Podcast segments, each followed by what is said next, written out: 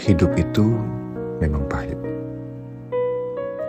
Orang lain memang tak pernah tahu sekeras apa usaha kamu. Seberapa sering kamu terjatuh, bahkan seterjal apa jalan kamu. Mereka hanya melihat dari luar. Gak pernah berusaha memahami posisi kamu. Ketika kamu diremehkan, dipandang sebelah mata, bahkan dicaci maki.